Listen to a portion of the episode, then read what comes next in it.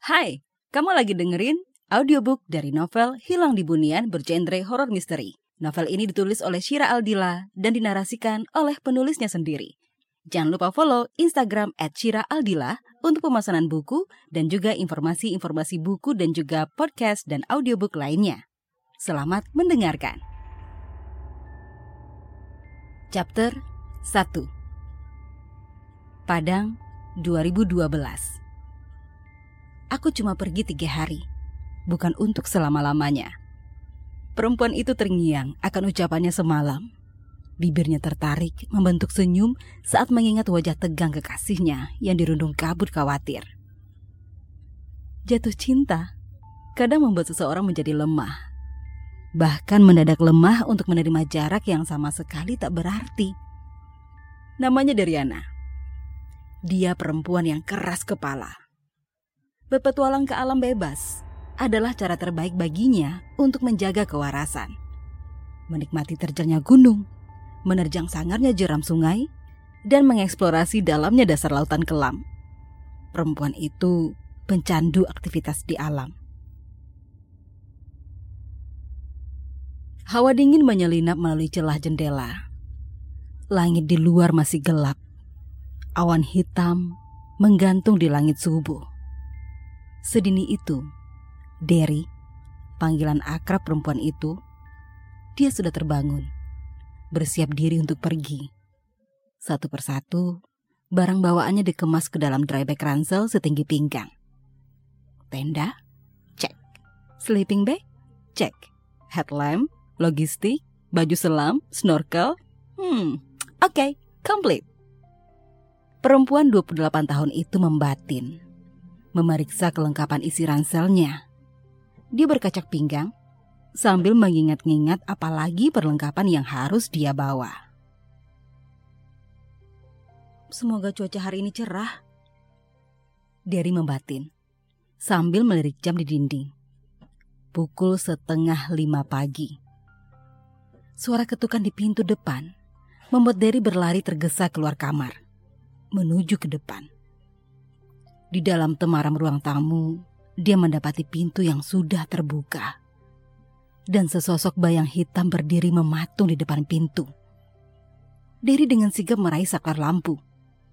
Setelah ruangan itu bermandikan cahaya, dia dapat melihat dengan jelas siapa sosok yang sedang berdiri di situ. Erik! Derry berteriak dengan kesal kedatangan Erik sepagi ini mengagetkannya. Pria itu mematung dalam membisu. Menyilangkan kedua lengannya ke dada. Menunjukkan mimik wajah yang tidak suka. Jadi pergi? Tanya Erik. Datar dan ketus. Derry menghela napas sejenak. Dia mencoba menata mood agar tidak melontarkan kalimat yang mengundang perdebatan sengit sepagi ini. Seminggu belakangan, dua orang itu terlibat diskusi yang tidak berkesudahan. Eric menentang keras rencana liburan Derry. Dan ini sangat tidak biasa. Eric mendadak super protektif. Terlebih sejak mereka bertunangan sebulan yang lalu. Aku sudah terlanjur bilang iya sama teman-teman. Sebentar lagi mereka akan datang menjemput. Derry menjawab dengan tenang. Eric melepas desahan napas kasar. Dia sadar Derry adalah perempuan yang paling keras kepala yang pernah dia kenalnya di dunia. Dan bodohnya, keras kepalanya itulah yang membuat dia tergila-gila setengah mati kepada Derry.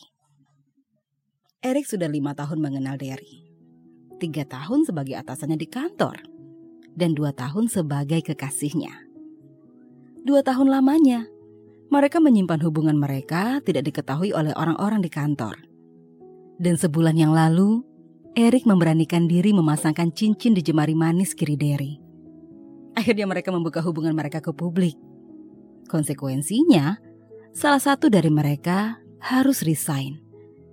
Karena perusahaan tempat mereka bekerja tidak mengizinkan hubungan emosional sesama rekan sekantor. Derry mengalah. Aku nggak mau mengulang alasanku kenapa aku ingin liburan, Drake. Anggap saja itu sebuah hadiah untukku yang sudah berkorban untuk hubungan kita desis Derry. Tapi kan kamu bisa memilih liburan kayak orang normal, Der. Ke Jogja ke, Singapura ke. Ah, mainstream. Ke alam itu berbahaya, Der. Aku takut kamu akan... Erik tidak melanjutkan kalimatnya. Kekhawatirannya terhadap Derry malah membuatnya terkesan cengeng dan berlebihan. Derry tergelak. Bukannya ingin meremehkan. Jauh sebelum kenal dengan Erik, liburan seperti ini sudah menjadi pengisi waktu luang Derry. Bahkan, setelah menjadi kekasih Erik pun, Derry masih berpetualang bersama teman-temannya. Dan Erik tidak pernah melarang. Tapi mengapa kini berbeda? Apa karena sebentar lagi Derry akan menjadi milik Erik seutuhnya? Hingga kebebasan Derry sudah berada di dalam genggamannya. Wajah Derry mengkerut. Ekspresinya kini membuat Erik takut. Dia takut kekangannya justru membuat hubungan mereka jadi tidak sehat. Akhirnya, Erik melunak. Oke, aku izinkan. Karena percuma kita terus berdebat. Tapi, please, pulang dalam keadaan utuh. Mendengar kalimat itu, Derry langsung menghambur ke pelukan Erik. Kakinya terpaksa berjinjit untuk menyejajarkan wajah mereka. Derry mengalungkan lengannya di leher Erik Aroma wangi maskulin tercium dari rambut Erik yang masih basah. Aku janji akan pulang dalam keadaan utuh. Cuma, gosong sedikit gak apa-apa kan? Jawab perempuan itu dengan senyum yang tertarik lebar. Dia mengabaikan raut khawatir yang tidak mau sirna dari wajah Erik. Rick, tiga bulan lagi kita akan menikah. Dan aku pun bersedia resign demi hubungan kita. Nanti, setelah resmi menjadi nyonya Erik Sanjaya, paling petualanganku akan sebatas kasur dan pasar sayur. Apa kamu gak kasihan sama aku? So please Rick, please, izinin aku. Ini akan menjadi petualangan terakhirku. Derry memelas. Dia menatap mata Erik lekat-lekat mencoba mencari isyarat adanya kesepakatan di sana. Lama saling mengadu pandang, Erik mendekatkan wajahnya ke wajah Derry. Bau min yang segar tercium dari mulut Erik. Wajahnya terus mendekat, terus dekat, tanpa sekat. Kini, lumatan lembut itu memagut bibir bawah Derry. Tenggelam di dalam aliran sengat asmara yang melena. Namun, Tiba-tiba, pagutan itu harus merenggang.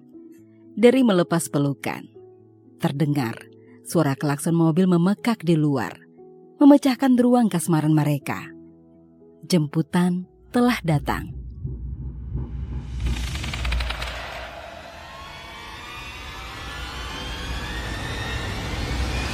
Demikian chapter 1, sampai jumpa di chapter selanjutnya.